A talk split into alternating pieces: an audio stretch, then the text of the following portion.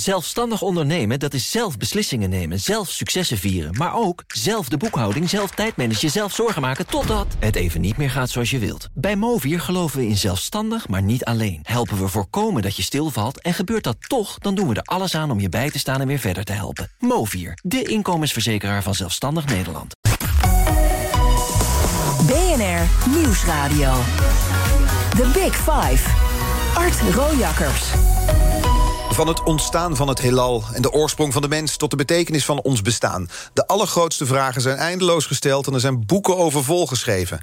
Toch weten we nog zoveel niet. In BNR's Big Five van de fundamentele vragen gaan we op zoek naar antwoorden. En dat doen we met vooraanstaande wetenschappers en experts. En vandaag is dat met een van de meest invloedrijke archeologen van Nederland en hoogleraar archeologie van de Oude Steentijd aan de Universiteit Leiden, Wilro Broeks. Welkom. Dankjewel. Voordat we het gaan hebben over uw onderzoek, wil ik graag eerst twee dingen van u weten. Want als eerste zijn we er als soort vanuit uw perspectief de afgelopen 400.000 jaar eigenlijk op vooruit gegaan. Ik, dat zijn dingen die zijn heel moeilijk te wegen. We, we, we, we zijn heel succesvol in, in termen van aantallen mensen die nu op de, op de planeet Meer dan ooit. Eh, en, en ja, Dus dat is evolutionair gezien een succes. ja, wat dat betreft zijn we een enorm succesvolle soort. Of de kwaliteit van leven verbeterd is, dat, ik vind dat heel moeilijk te wegen. Dat, eh, dat, dat was eigenlijk een vraag voor Paul van Tongeren gisteren. Ja, Dat- Maar dan had het antwoord wel iets langer geduurd dan Dat van u nu. Dat wel, ja. Want dat is de filosoof die nadenkt over de kwaliteit Precies. van leven. Is er eigenlijk iets in eh, archeologisch onderzoek op zich te zeggen over de kwaliteit van leven van mensen, bijvoorbeeld pak een beet 100, 200.000 jaar geleden? Nou, ehm, ligt eraan hoe je kwaliteit van leven meet. Maar als je kijkt naar eh, allerlei welvaartsziekten zoals caries of problemen met, met, eh, met, met, botten, dan zie je dat eh, op het moment dat mensen beginnen zich te vestigen en, en, en landbouw gaan doen, dan duiken ziektes op in het skeletten die we van de eh, honderdduizenden jaren daarvoor niet kennen. Dus dat- het, het, het, eh, het gaan wonen in dorpjes en het eh, dieet heel sterk verschuiven richting granen, dat heeft geen goede invloed gehad op onze gezondheid. Nee, we waren gezonder en sterker toen we nog rondzwierven. Ja, de vraag is of we to- hoe oud we toen werden. Dat kun je niet zien in, in, in, in skeletten. Je kunt wel zien dat ze minstens 40 jaar oud werden of zoiets. Maar hoe lang ze leefden, als je dat een kwaliteit van. als je dat een symptoom vindt van kwaliteit van leven, dan is dat een beetje. Dat, dat is onbekend. Ja. En, en de tweede vraag waar ik mee wil beginnen is wat. Ik zat nog zo deze week zo te kijken naar iedereen die langskomt. Toen moest ik denken aan Indiana Jones. Dat doe je dan toch bij archeologie, een soort romantisch beeld. Wat doet dat eigenlijk met uw wetenschap? Doet dat recht aan waar u mee bezig bent? Nee, op. Ik, in toenemende. eh, ik zou twintig jaar geleden gezegd hebben, helemaal niet. Maar de- wat er, wat er allemaal de laatste twintig jaar gebeurd is. Met veel ontdekkingen die met name gedaan worden door hele jonge mensen in laboratoria. slaat dat eigenlijk nergens meer op. Nee, veldwerk, dus het ontdekken van dingen, van, van, van het opgraven van materiaal speelt nog steeds een hele belangrijke rol. En dat voedt ook eh, de, de, de laboratoriumanalyses. De Maar- ontdekkingen komen nu uit het lab. Veel ontdekkingen. Ik, zou, ja, ik denk dat, dat je zou kunnen stellen dat de belangrijkste ontdekkingen van de laatste twintig jaar dat die uit het lab komen. Zoals wat bijvoorbeeld? Nou, bijvoorbeeld dat eh, eh, wij hier in, eh, in, in Europa een, een, een deel van ons DNA te danken hebben of terug, te terug kunnen leiden tot Neandertalers. En dat dat hele idee van een mensheid of van, van, van mensachtigen die gescheiden van elkaar leefden en waar uiteindelijk alleen wij, Homo sapiens, overgebleven zijn, die genetica heeft laten zien dat, dat, dat, dat er eigenlijk continu uitwisseling geweest is van genetisch materiaal tussen Neandertalers en, en Homo sapiens, tussen Homo sapiens, Neandertalers. En een nieuwe populatie die, eigenlijk alleen, die we eigenlijk alleen maar kennen dankzij genetisch onderzoek. Dat, Ja. Die heette de zogenaamde Denisovans. Die, dat was een soort zuster, eh, of, of een, een ne- het waren neefjes van Neandertalers die in oostelijke delen van Azië leefden. Die, die populatie kenden we helemaal niet. Die kennen we pas door, eh, door die dat genetica. genetisch onderzoek, Ja, en dat ja. genetisch onderzoek laat zien dat wij Nederlanders, bijvoorbeeld als je het op Nederland betrekt, ja, wij zijn een soort hutspot van. er zitten stukjes Neandertaler in ons, eh ijstijdjagers, verzamelaars die de Neandertalers Vuilnisbakkerras zijn we. ja, afgelost hebben. En dan, en dan 8000 jaar geleden komen er uit het nabije oosten die eerste landbouwers binnen, mannen en vrouwen. Daar hebben wij DNA van. En 6000 jaar geleden komen hoofdzakelijk mannen uit de, de, de Zuid-Russische steppen, eh, van, van, zeg, van, van Oekraïne tot Kazachstan, die komen hier binnenlopen en daar stammen wij vanaf. Ja, want we gingen het ook allemaal met elkaar doen dan, als we elkaar ontmoeten. Ja, daar waren heel weinig eh, beperkingen wat dat betreft. Ook tussen Neandertalers en moderne mensen. En, en, en dat, dat zijn dingen die komen uit de laboratoria. De botjes worden opgegraven door archeologen. Ja? Die sturen die spullen naar uh, laboratoria en daar gebeuren uh, steeds interessantere dingen mee. Ja. Laten we het eens over uw uh, huidige onderzoek hebben. Want u heeft een, een lange carrière in de archeologie achter de rug, een rijke carrière. De laatste tijd staat daarin in het onderzoek vuur centraal. In de eerste plaats wijst uh, recent onderzoek uh, op vuur als de eerste wereldwijde technologische uitwisseling tussen mensen, heb ik begrepen. Klopt dat? Ja, dat, uh, dat is een artikel wat we een paar maanden geleden in PNAS hadden. Ehm, het is een ingewikkeld verhaal. komt erop neer dat je rond de 400.000 jaar geleden. Uh, nee, ik moet eerst even een stapje terug. De vraag is wanneer beginnen mensen vuur te gebruiken. Er is heel veel discussie over. Daar bemoeien we ons met ons groepje ook mee.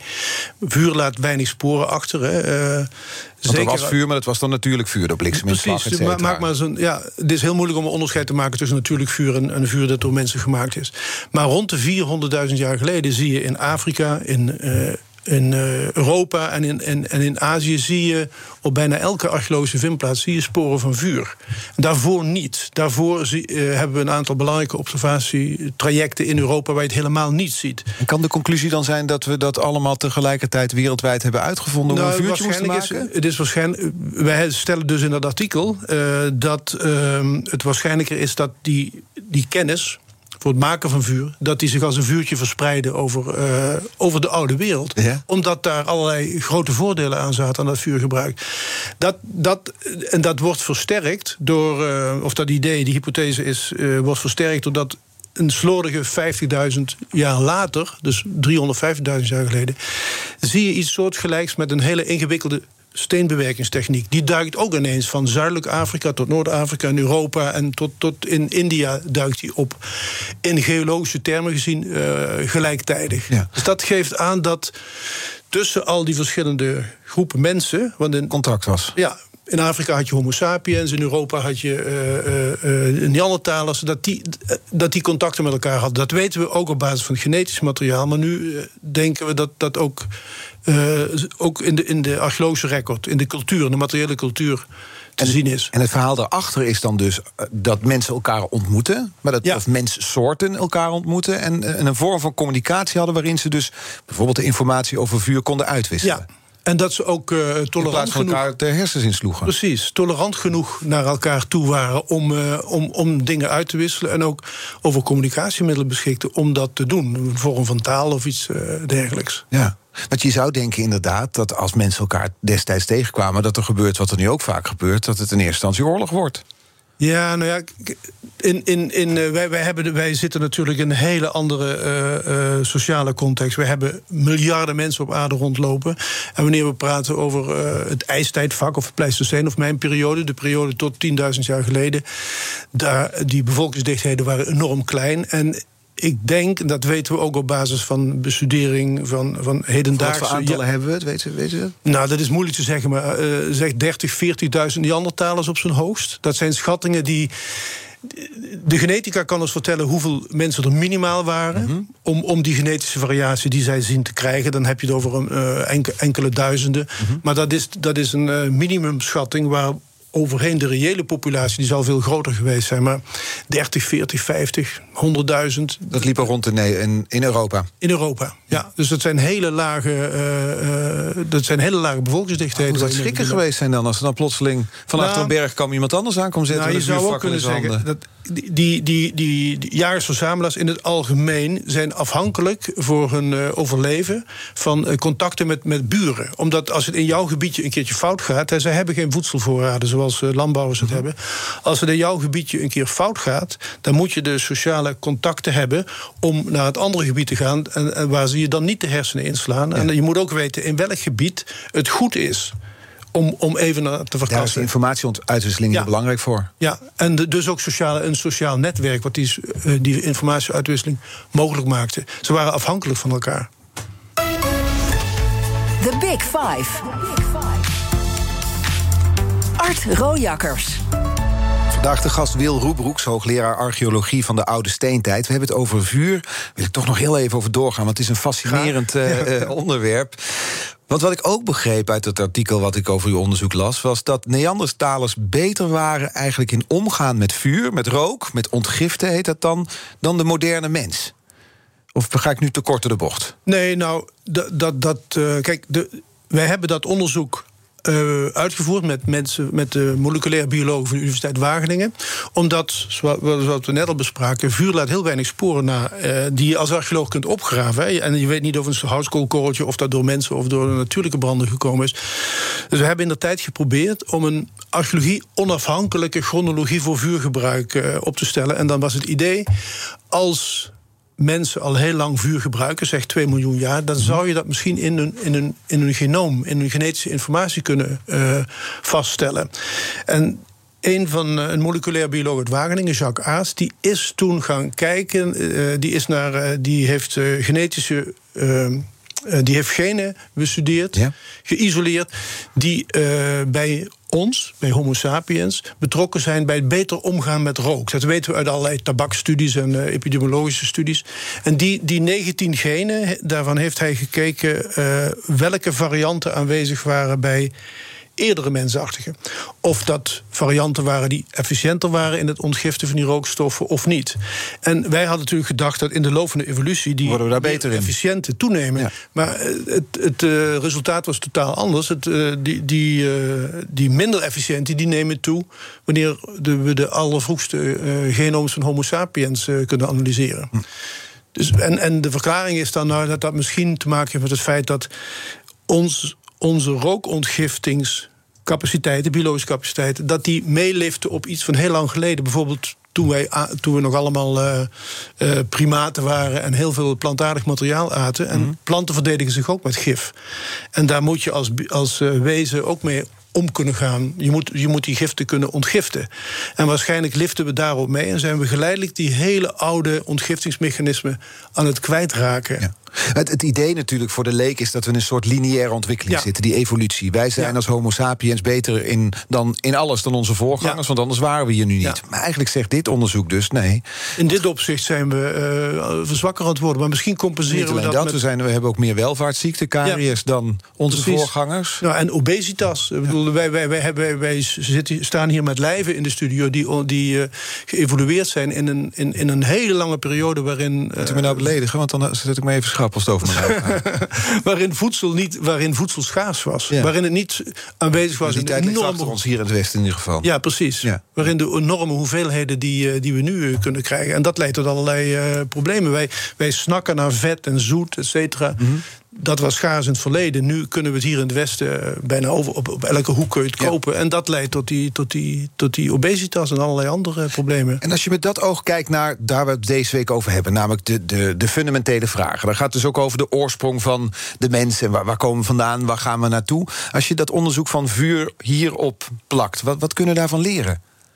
Nou, dat, ik denk op, op de eerste plaats dat we dat een van de, van de weinige dingen die ons van andere dieren onderscheidt, het gebruik van vuur. Hè. Alle dieren gebruiken, eh, meeste of veel dieren gebruiken werktuigen. Wij zijn de enige soort die vuur gebruikt en maakt en actief weet. Uh, actief weten gebruiken voor voedsel, voor warmtehuishouding, om, om, om, om onze auto's te laten lopen. Ja.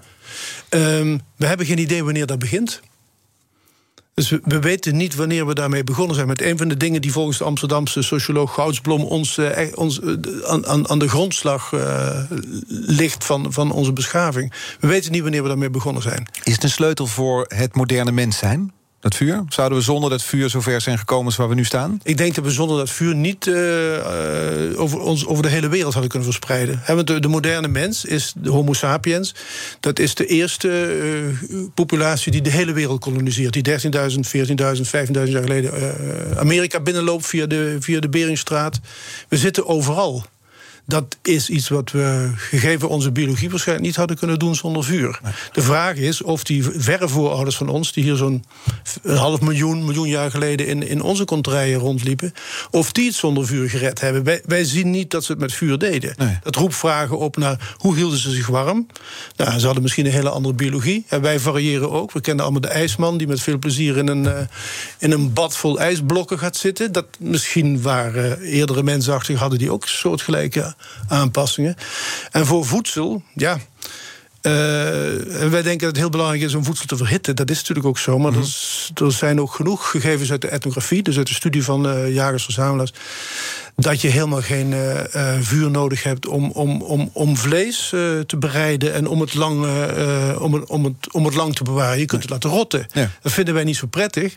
Maar die, onze smaakvoorkeuren en geurvoorkeuren die zijn niet evolutionair ingebakken. Die zijn ook voor een groot deel cultureel bepaald. Ja. Dat is weer onderzoek wat voortgekomen is uit die vraag: hey, hoe, uh, is het mogelijk dat ze geen vuur hadden een uh, half miljoen jaar geleden? Hoe zouden ze dat geleefd hebben? Ja, ja. En dat levert dan weer allerlei nieuwe subvragen op. En zijn wij als Homo sapiens, want we zijn met ontzettend veel nu, miljarden. Terwijl we hadden het bij de Neandertalers over aantallen in Europa van 30, 40.000. Zijn wij een succesverhaal? Want die vergelijking komt vaak voorbij als je kijkt naar het ontstaan van de aarde en de rol van de mens erin. Als je zeg maar, de, de aarde één kalenderjaar neemt, is het hele leven van de aarde. Dan komen wij vlak voor oud en nieuw. Vlak voor het vuurwerk verschijnt dus even de moderne mens. Ja. Dus stelt allemaal niet zo heel veel voor. Maar in die korte tijd zijn we wel heel dominant geworden. Ja, ja ligt eraan, dan komen we weer bij de eerste vraag, hoe, hoe je succes uitdrukt. Als het gaat om aantallen, dan ja, nou ja, wij zijn. Uh, er is, er is nooit een, eh, een, een, een mensengroep geweest die maar bij, in, in de verste verte onze populatieaantallen benaderde. Dus zijn wij een successoort. Als je vanuit planeetperspectief bekijkt, hè, de, discussie waar we nu mee zitten met, uh, met zeespiegelstijging en uh, CO2, et cetera. Ja, ik kan niet voor de planeet praten, maar dan, dan is ons. Kun je het moeilijk een succes noemen? Ja, precies, dat kun je moeilijk een succes noemen. Ja.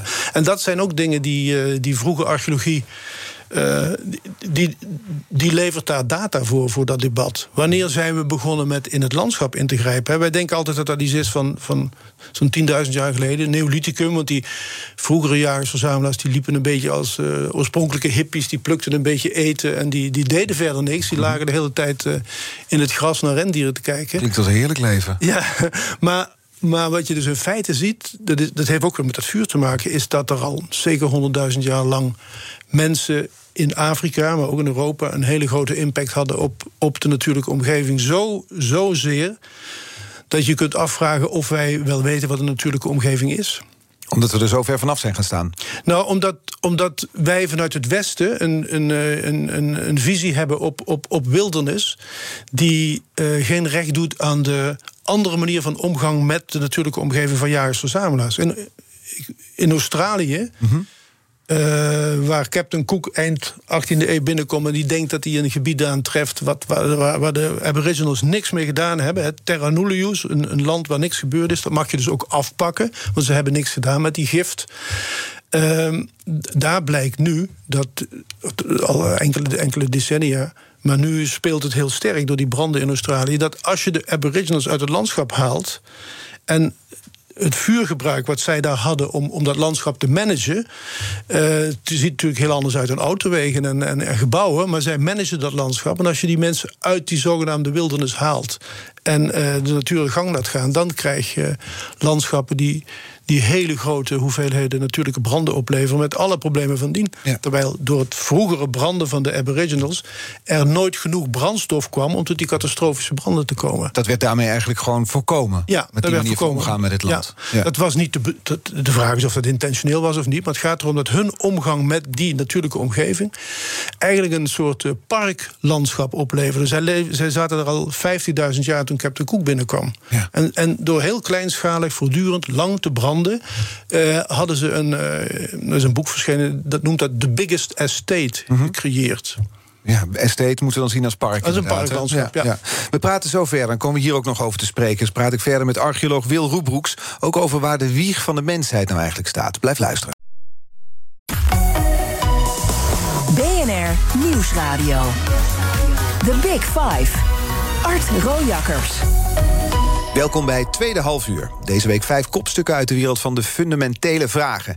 Eerder deze week sprak ik met denker des vaderlands Paul van Tongeren... over de betekenis van het bestaan. Dat gesprek is terug te luisteren, net als de andere van deze week... via de BNR-app.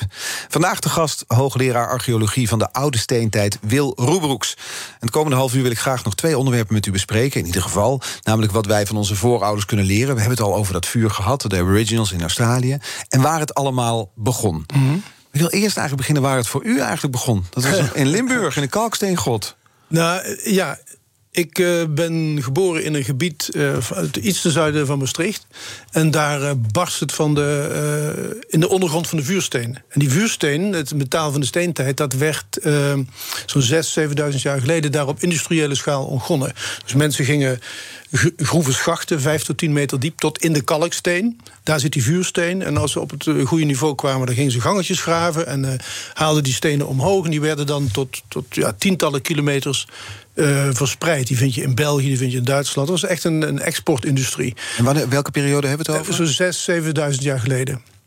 En die dingen die kon je dus op, op de akkers waar wij uh, speelden en rondliepen, vind je vandaag de dag nog. Er liggen nog, nog, nog er liggen tonnen vuursteenbewerkingsafval. Dus als, als, als, Zo wijd verspreid was het in dat ja, gebied. Ja, ja, dat is, dat, dat is een enorm rijk gebied. De vuursteenmijnen van Rijkels en Geertruid die zijn ook vrij, die zijn internationaal flink bekend. Maar dat, dat, het feit dat je daar die stenen kon oprapen en dat je dus een werktuig opraapte waar waarschijnlijk 6.000, 7.000 jaar geen mens eh, in zijn handen gehad had, dat voegde iets toe aan het, aan het landschap. Het legde een extra laag over dat, uh, over dat landschap. Uh, ja, een besef dat daar honderden generaties geleden, duizenden jaren terug, uh, mensen rondgelopen hadden. In dat gebied waar jij nu uh, rondloopt met je vriendjes. Ja. En later uh, begreep ik dan dat er ook Neandertalers hun spullen achtergelaten hadden. Dat, dat, dat heeft echt een dimensie toegevoegd uh, aan, aan, aan het landschap. Ja. En dat is, het, dat is een soort vertrekpunt geworden. En dat was dus op het landschap, maar op een gegeven moment werd hij ook ingezet als, als volgens mij 14-jarige om opgravingen te doen. Nou, in, die, in, die in, die, in de bossen, waar, uh, waar nog wat van die, waar die vuurstermijnen gelokaliseerd waren, daar gingen vanaf eind jaren 60 gingen daar oud-mijnwerkers samen met archeologen aan de slag om die oude mijnsystemen op te graven. Ja, en ik, het leek me helemaal te gek om daar mee te doen. En uh, dat, op een gegeven moment lukte dat. En toen moest ik met, zo'n, uh, met, met een, een, een, kleinere geoloog... en ik als uh, jong, smal, dun jongetje... Ja. wij deden dan de gevaarlijke gangetjes. Of de gevaarlijke, de smalle gangetjes... waar niemand doorheen kon. Denk aan 50 centimeter hoog en 50 centimeter breed. Dat je daar dus 10, 15 meter onder de grond doorheen wurmen... en ze met scheppen leeghalen om, om zo'n gangensysteem... Een claustrofobisch karwei. Sorry? Wat een claustrofobisch karwei. Ik had er toen helemaal geen last van. Maar we komen er nu nog af en toe met studenten en denk... hoe heb ik dat kunnen doen? maar goed. Uh... De angsten komen met de jaren. Ja, misschien wel, ja. ja. ja. En wat voor gevoel was dat als 14-jarig jongetje... daar onder de grond is, in zo'n smalle gang... gravend naar dat wat voorouders daar ooit hadden gedaan? Ja, dat was kicken. Dat was kicken, want je had op een gegeven moment die, die gangen die werden uh, op een gegeven moment weer dichtgegooid met afval van andere uh, schachtsystemen. Ja, en soms zag je zelfs een holte uh, van, van, een, van een vergane hak waar men die, die kalksteen mee weggehaald had om bij die vuursteen te komen. Ja, dat, het, het, het, het, het, was de intrinsieke eh, motivatie van het opgraven van oude spullen. Maar ook met die, met die, met die, met die oud-mijnwerkers daar in zo'n, eh, in zo'n hutje zitten. Want we groeven s'nachts op. Dat werd uh, vanaf een uur of zeven s'avonds tot in de nacht. Omdat er op een gegeven moment te veel uh, belangstellenden langskwamen.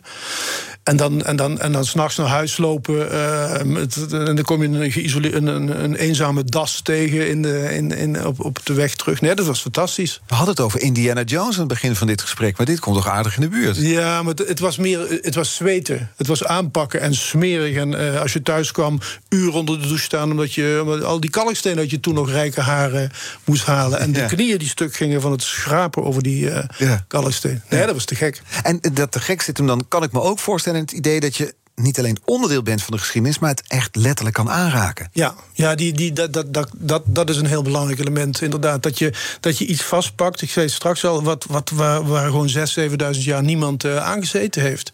En we hadden iets soortgelijks met studenten, uh, waar een paar jaar geleden uh, nou, 15 jaar geleden opgraven in Engeland op een half miljoen jaar oude vindplaats. En dan haalt zo'n student die is aan het krabben en ineens verschijnt er zo'n hele grote, mooie, uh, symmetrische vuistbijl van 20 centimeter groot. En dat, die, die, je, ziet, je ziet dan aan, aan de gezichten dat dat. Ja, dat, dat, je, je bent bijna in contact. Ja, het is natuurlijk een beetje overdreven, maar je bent je in contact, maar niet zo'n half miljoen jaar geleden. Ja. Een half miljoen jaar lang geen mens meer aangezeten heeft. Ja. En wat voor gevoel geeft dat? Het is een soort ja, verbondenheid, machtig, sensatie. Wat moet je uh, voorstellen? Ja, ik denk net als met, uh, met, uh, met de jaren de, de claustrofobie toeneemt, neemt met de jaren ook de, de kick af. Wat dat betreft. Ja? Die, ja, en is de kick nu veel meer leuke resultaten uit een lab ja. dan de fysieke contact met de objecten zelf. Hoewel dat het onderzoek is wat dat betreft veranderd. Dat zei u al. Het komt vooral uit het lab. Het zit hem veel ook in DNA-onderzoek. Die technieken verschillen hemelsbreed met die van vroeger. Dus ja. is dat, heeft dat het werk ook ingewikkelder gemaakt eigenlijk?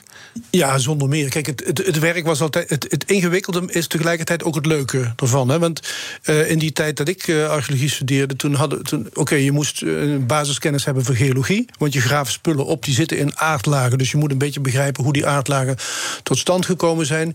In die aardlagen zitten niet alleen werktuigen, maar ook resten van de dieren en de planten die toen leefden. Dus ja, je wil dan ook weten in wat voor omgeving liepen mhm. die mensen rond. Want dat bepaalt voor een deel hun gedrag. Ja, maar dat was de kennis van nu. En nu moet je alles weten van DNA-onderzoek. Ja, nou ja, uh, je, je, moet in elk geval uh, genoeg van DNA-onderzoek weten om met de genetici die jij jouw monsters opstuurt te kunnen communiceren. Ja. Dus je bent voortdurend dingen aan het lezen als genetics voor dummies of proteomics voor dummies. Je, je, blijft een amateur in de dubbele zin van het woord. Je bent geen professional op die gebieden, maar je houdt wel van die, uh, van, van die dingen. Dus ja. het is wel een stuk ingewikkelder geworden, maar daarmee ook weer uh, leuker. Ja, en interessant. Ja. ja. Laten we eens naar die andere vraag gaan. Een grote vraag, een fundamentele vraag waar we het deze week over hebben. Waar staat de wieg van de mens? Waar komen we vandaan? Waar is het allemaal begonnen? De moderne mens. Lange tijd was het antwoord dan Afrika. Daar was uh-huh. iedereen het over eens. Maar dat trekt u al lange tijd in twijfel. Nou, wat wij in twijfel getrokken hebben een paar jaar, een jaartje of vijftien geleden, dat was niet zozeer. Dat, dat was de, uh, het idee dat. Uh, uh, dat de ontwikkeling van van, van een van onze belangrijkste voorouders, Homo erectus, dat die uitsluitend in Afrika plaatsgevonden had. En we hebben toen gezegd: je kunt, je kunt pas een brongebied, een oorsprongsgebied en een eh, gebied waar soorten, waar eh, populaties naartoe trekken, die, dat kun je pas vaststellen als beide gebieden op een vergelijkbare manier onderzocht zijn. Mhm. Dat was toen absoluut niet het geval. Azië, eh, eh Azië heeft eigenlijk. Eh, daar, heeft, daar, had toen, we hebben het over 2005, heel weinig onderzoek plaatsgevonden. En later bleek ook, een paar jaar geleden blijkt ook dat Afrika, dat Azië veel eerder gekoloniseerd is, dat er veel eerder mensen rondliepen dan wij in 2005 zelfs wisten. Dus we, als je het, het, grote verhaal, waar komen we vandaan? Ik denk dat vrienden en vijanden het erover eens is op dit moment... dat onze allervroegste voorouders, de voorouders die we delen met de huidige chimpansees... dus hebben we het dus over 6 tot 8 miljoen jaar geleden... Mm dat het uit elkaar gaan van de lijn die leidt tot Homo sapiens en tot de hedendaagse chimps, dat dat uh, in Afrika gebeurde. Maar de, wat daarna gebeurt, wanneer wezens die wij mensen zouden noemen uh, uh, naar uh, Azië vertrekken, dat is, een heel, dat is een heel ander verhaal. En het is ook geen eenrichtingsverkeer van Afrika naar Azië. We, we weten door genetisch onderzoek dat er ook in elk geval genen terug Ge, ge, gegaan zijn van Azië naar Afrika. Dat is dus, een uitwisseling. Ja, dus dat simpele verhaal van alles komt uit Afrika, dat, dat, dat staat niet meer. Nee. Nee. En, en, en er was dus die uitwisseling, ook waar we het al eerder over hadden, bijvoorbeeld bij vuur. Mensen kwamen elkaar tegen, wisselden dan kennis uit. Nou, niet alleen kennis, uh, ook genetisch materiaal. Ja. Een, uh, een mooie uitspraak erover. Eigenlijk is dat zoals we dat nu ook zien: migranten die zich hervestigen. Ja, ja, als je vanuit, vanuit, vanuit het perspectief van ons vakgebied kijkt naar hedendaagse discussies. Ja, ik zei het al eerder. Um, heel veel van ons DNA komt van mensen die uit Anatolië kwamen 8000 jaar geleden. Ja, we zijn een beetje een hutspot hier in Nederland. Ja, en je kunt, je, je kunt die genetici kunnen zien dat het vooral dat het mannen en vrouwen zijn die geleidelijk zo'n 8000 jaar geleden uh, onze contraien binnenhuppelen. En daarna dan die vuursteenmijnen gaan maken. Mhm. Maar dat een paar duizend jaar later zijn het vooral mannen die uit de Zuid-Russische steppen weer hier naartoe komen. Dus, Is daar een verklaring voor dat het vooral mannen waren destijds? Mm, nee, nee, de, de, de nee. Het, het, is een gegeven dat het. Het gerucht dat de vrouwen hier heel mooi waren destijds. dat moet je zijn. Het, waren vijf keer zoveel uh, mannen als vrouwen. Maar de verklaring is. Uh, Die, nee. Maar we hadden het over die hedendaagse discussies, begon u aan uw zin. U zei, ja, als je met de kennis van ons gebakgebied kijkt naar hedendaagse discussies op dit terrein, wat, wat, wat ja, u had het over, migra over uh, hedendaagse migratie. Ja, dan, dan, dan, dan, dan is het gegeven dat, uh, al, dat, ja, dat, dat Nederland of West-Europa of Europa nu allerlei migratiestromen ontvangt. Dat is, dat is, dat is dat, die migratiestromen, dat zijn, dat, is, dat zijn de zoveelste in een serie die. Uh, ja, die teruggaat tot. tot uh, die heel ver teruggaat, die honderdduizenden jaren teruggaat. Niks nieuws onder zon, hoort bij de menselijke geschiedenis. Ja, alleen natuurlijk veel grotere aantallen nu. En, en het is veel drukker, niet hier nu al. Ja, en wij hebben, we, hebben, we, we zitten al een uh, jaartje of 10.000 in vaste woningen. We hebben geïnvesteerd in huizen. Dat is heel anders dan uh, als je dat soort problemen zou moeten oplossen als je nog een mobiele levensstijl hebt. Ja. En het gaat natuurlijk om hele andere aantallen. Zometeen uh, praat ik uh, verder met Wil Roebroek. Maar eerst naar, uh, want dan hebben we het over de oude steentijd. We gaan eerst naar het nu. Want Kees Dorstein, dat ga je in BNR Break bespreken. Ja, nou, we gaan even naar de toekomst kijken wat dat betreft. In ieder geval wat betreft het autorijden. Ben je met de auto? Trouwens? Nee, met de fiets. Met de fiets, ja, ik zie jou eigenlijk ja. altijd hier uh, op de fiets stappen. En dat is het. Ja, maar je woont ook hier in de buurt natuurlijk, -hmm. dat scheelt. Maar rij jij veel kilometers op jaarbasis? Uh, ik heb ze niet uitgerekend, maar nee, ik denk dat ik niet zo heel veel kilometers. Nee, ik heb dan... familie in Brabant, dus daar moet ik naartoe. En soms voor mijn televisiewerk moet ik wel op pad. Maar ik, ik, ik zit niet bij de grootverbruikers. Nee, precies. Nou, dat scheelt dan, want we hebben meerdere automobielclubs die zeggen tegen BNR dat rekeningrijden, dat moet er nu toch eens een keer van komen. Wordt al sinds de jaren tachtig over gesproken natuurlijk. Want die zeggen dat zo kan je veel makkelijker die klimaatdoelstellingen halen. En het is rechtvaardiger. Nou ja, dat is het dus ook. En dat vind ik een leuke discussie voor de autorijders die nu aan het luisteren zijn. Heb je er zin in? Of denk je, nou, ik rij eigenlijk wel zoveel. Laten we het houden zoals het is, ja. alsjeblieft. Ja. Het breekijzer vandaag is... rekeningrijden is het meest eerlijke systeem... en daarom moeten we het nu invoeren. Misschien kunnen we afspreken voor deze de BNR Breek... dat we de wet van Daniel Verlaan, de stand-up comedian, volgen. Die zegt dat de mening die je hebt alleen ertoe doet... als hij contrasteert met je eigen belang. Dus met andere woorden, als je vindt dat kilometerheffing moet worden... niet moet worden ingevoerd, dan mag je alleen vinden... als je niet heel veel rijdt. Ja. Want anders breek je alleen maar voor eigen parochie. Ja, dat klopt. Maar ik vind ook wel, ja, je mag ook lekker een beetje opportunistisch zijn en zeggen: ik rij gewoon 50.000 per jaar. En ophouden ermee. Niet. Okay. Nou ja, het, is jouw het is allemaal zo duur. Het is jouw programma. Vanaf, vanaf 11 uur mag je bellen. 020 468 4 keer 0 Ook als je het met Art eens bent en een, weet je, een contradicte mening hebt. Exact. Dat ja, ja, ja. Dankjewel, Kees. BNR Nieuwsradio. The Big Five. Art Rojakkers. Vandaag in de Big Five hebben we een gast met wie we ver terugkijken. Hoogleraar archeologie van de oude steentijd Wil Roebroeks. En dat doen we in het kader van de fundamentele vragen die we deze week behandelen.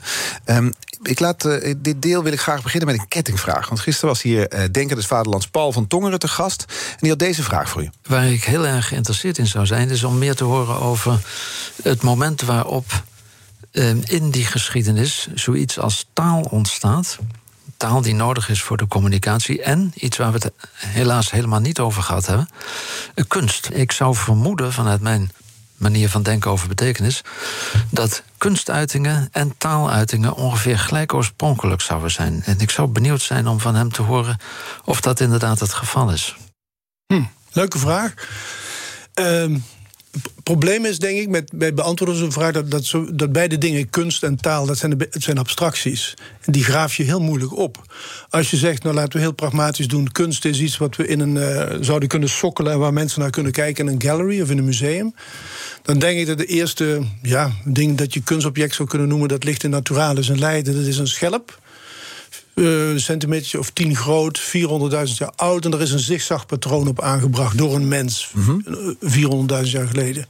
Maar of dat enige betekenis had, of dat die persoon zich verveelde, dat staat er niet bij. Dat, dat weten we niet. Maar als je, als je gaat kijken naar figuratieve kunst, dus uh, afbeeldingen van dieren of, of sculpturen van, uh, van, van de, sculpturen van dieren of mensen, dan zit je zo rond de 40, 14.000 jaar geleden. En dan heb, vind toen waren we er al een hele poos dus. Er waren al een hele poos. De Homo sapiens uh, is, loopt dan al zeker 300.000 jaar op aarde rond.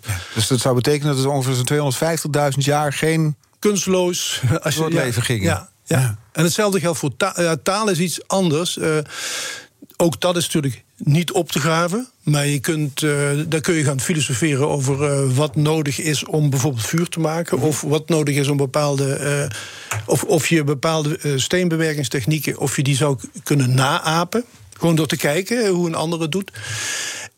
Of dat je daar actieve instructie voor nodig hebt. En ja, de, de, de, de, de heersende mening is dat, dat je zo rond de 300, 350.000 jaar geleden toch technieken ziet verschijnen waar men uh, over heeft moeten communiceren. Waar mensen geholpen uh, moeten zijn om die dingen te leren. Omdat het vandaag de dag ook heel moeilijk is om ze aan te leren zonder instructie.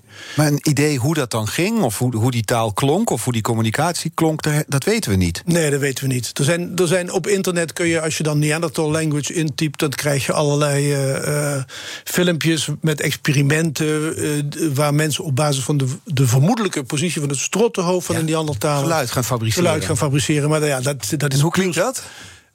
Lijkt het, op de, lijkt het op ons, een Neandertaal geluid? Nou, een van de meest recente die suggereert dat ze heel veel uh, hoge tonen konden voorbrengen. Maar het, het, het, wat mij betreft lijkt het nergens op, oh. dat soort experimenten. Ja, dus die hoeven niet altijd serieus te nemen, nee. wat u betreft. Nee. nee. Nee. Wat, wat je, je, zou ook kunnen beredeneren dat taal een sleutel is in het, nou ja, in ieder geval het succes qua voortplanting van de mens. Dat we, en en, en die, het feit dat we nu met zoveel zijn. We, we hebben dat ook nodig gehad om informatie te kunnen Ja. overdragen, om kennis te kunnen overdragen. Maar Ja. blijkbaar deden we het dus misschien wel heel lang zonder taal of. Nou, ik, het feit, het gegeven dat je rond de 300, 350.000 eh, aanwijzingen ziet voor actieve instructie, wil niet zeggen dat het er eerder niet was. hè. Nee, we weten Want het alleen niet. We weten het niet. Nee. Heel we veel we is. weten het eigenlijk pas vanaf het moment dat het schrift er is.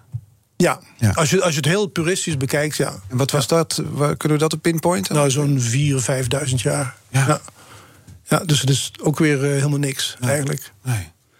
Maar het, het, kijk, het gegeven dat je eh, al een miljoen jaar geleden, of twee miljoen jaar geleden zelfs, in, in, in, in, in Azië, in China, mensen hebt rondlopen en vrij eh, moeilijk in, in omgevingen waar het, overle- waar het leven niet makkelijk is, dat doet vermoeden dat die populaties eh, van generatie tot generatie informatie doorgaven aan elkaar. Om, om, ja, om, om, om simpelweg om, om, om te kunnen leven. Je hebt informatie nodig. Ja. En, die, en alle dieren, of heel veel dieren eh, leven natuurlijk op informatie. Maar de, de, de informatieoverdracht die je bij die vroege mensachtigen eh, zou eh, vermoeden, die doet ook weer vermoeden dat ze, ja, dat ze taalachtige communicatie hadden. Maar dat is gespeculeerd. Ja.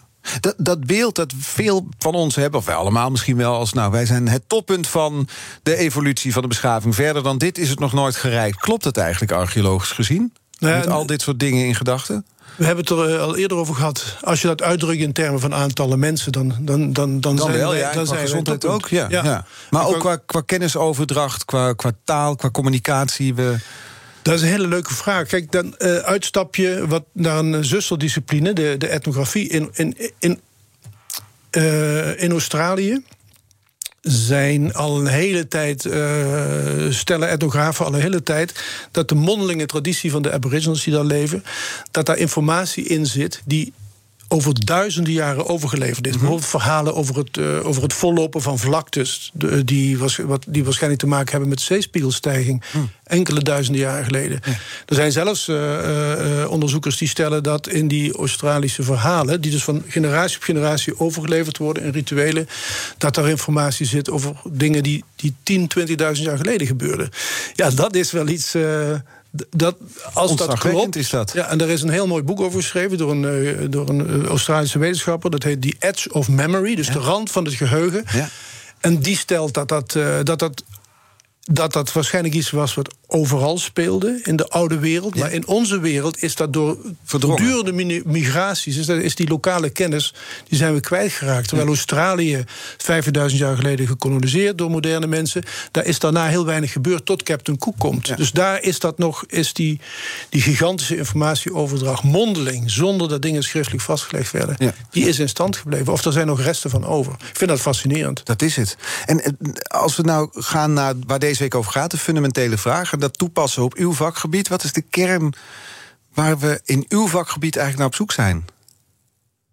Kern, kern dat, is, dat is bijna weer een filosofische vraag. Ja. Net als, Belangrijk. eh, ik denk dat er, dat er een, grote aantal, eindvraag, een grote eindvraag. vraag. Ik denk dat een van de dingen waar eh, in, in mijn vakgebied aan gewerkt wordt... ik werk daar zelf niet aan, is, is de zoektocht naar de, naar de laatste gemeenschappelijke voorouders van ons en chimpansees. Die hele vroege fase van de evolutie Mhm. van de mens. Waar, eh, ja, dan hebben we het over, over tussen, tussen de 8 en de 4 miljoen jaar geleden. Ja. Wat waren dat voor populaties? Wat, wat heeft mensen rechtop doen lopen? Hoe zijn we uit elkaar gegaan? En dan wreekt zich dat voor, van chimpansees, vroege chimpansees. Dat, dat, van, van miljoenen jaren chimpansee-evolutie hebben we nauwelijks fossielen. Die kun je in een babyhandje leggen en dan heeft hij nog genoeg plek voor iets anders. Dus omdat chimpansees en chimpansee-achtigen in, in, in beboste omgevingen leven, op, als je daar sterft, dan word je niet een fraai fossiel. Onze voorouders die leefden in hele andere Dus omgevingen. da- daar moeten we het met heel weinig materiaal Ja. eh, doen. Ja. We, gaan, ik ga je terugbrengen naar het nu in plaats van het Ja. heel ver ver- eh, verleden. Want volgende week is er een hele andere week in BNR's Big Five. Dan eh, presenteert mijn collega Diana Matroos een week over de datamaatschappij. Mhm. Haar eerste gast is internetpionier en oprichter van de digitale stad, Marleen Stikker. En die mag u een kettingvraag stellen. Ja, ja, ja ik heb haar, ik heb, eh, haar zomergasten optreden bekeken. En eh, ik had een vraag, een beetje ingewikkeld. ehm, die te maken heeft met waar we net over hadden, informatieoverdracht. Kijk, eh, evolutionaire geneeskundigen die zeggen dat wij, wij vandaag de dag heel veel gezondheidsproblemen hebben, omdat we met een ijstijd lichaam in een hele rijke voedselomgeving zitten, hier in het Westen althans. Iets soortgelijks geldt voor informatie wellicht. Hè. Eh, wij, onze voorouders, tot voor kort, die gaven gener- eh, van generatie tot generatie eh, informatie aan elkaar door in hele kleine groepjes. En wij zitten nu in een maatschappij waarin we een soort info-obesitas hebben. We hebben zoveel informatie. Dat, en de sociale context is ook helemaal veranderd. Ik vroeg me af, ik weet dat zij vooral focust op de rol van big tech en privacy. Maar of die evolutionaire oorsprong, kleinschalig informatieoverdracht tussen mensen die elkaar kennen, of dat iets is wat je bij het herschikken van internet mee zou kunnen nemen. Dus we gaan het er zeker voorleggen. We, Diana Matroos gaat het er volgende week voorleggen... in BNR's Big Five van de datamaatschappij. Marleen Stikker dus, oprichter van de digitale stad... en een internetpionier. Eh grote dank voor de komst vandaag. Graag Wil gedaan. Broeks, archeoloog. We, hadden het, eh, we zijn ver terug gaan kijken. En het heeft ook het een en ander opgeleverd. Dank daarvoor. De afleveringen van BNR's Big Five zijn natuurlijk terug te luisteren. De podcast is te vinden in de app en op de site. En nu hier Kees Dorrestein met BNR breekt over rekeningrijden. Alvast een fijn weekend. Zelfstandig ondernemen, dat is zelf beslissingen nemen, zelf successen vieren. Maar ook zelf de boekhouding, zelf tijdmanagen, zelf zorgen maken... totdat het even niet meer gaat zoals je wilt. Bij Movier geloven we in zelfstandig, maar niet alleen. Helpen we voorkomen dat je stilvalt en gebeurt dat toch... dan doen we er alles aan om je bij te staan en weer verder te helpen. Movier, de inkomensverzekeraar van Zelfstandig Nederland.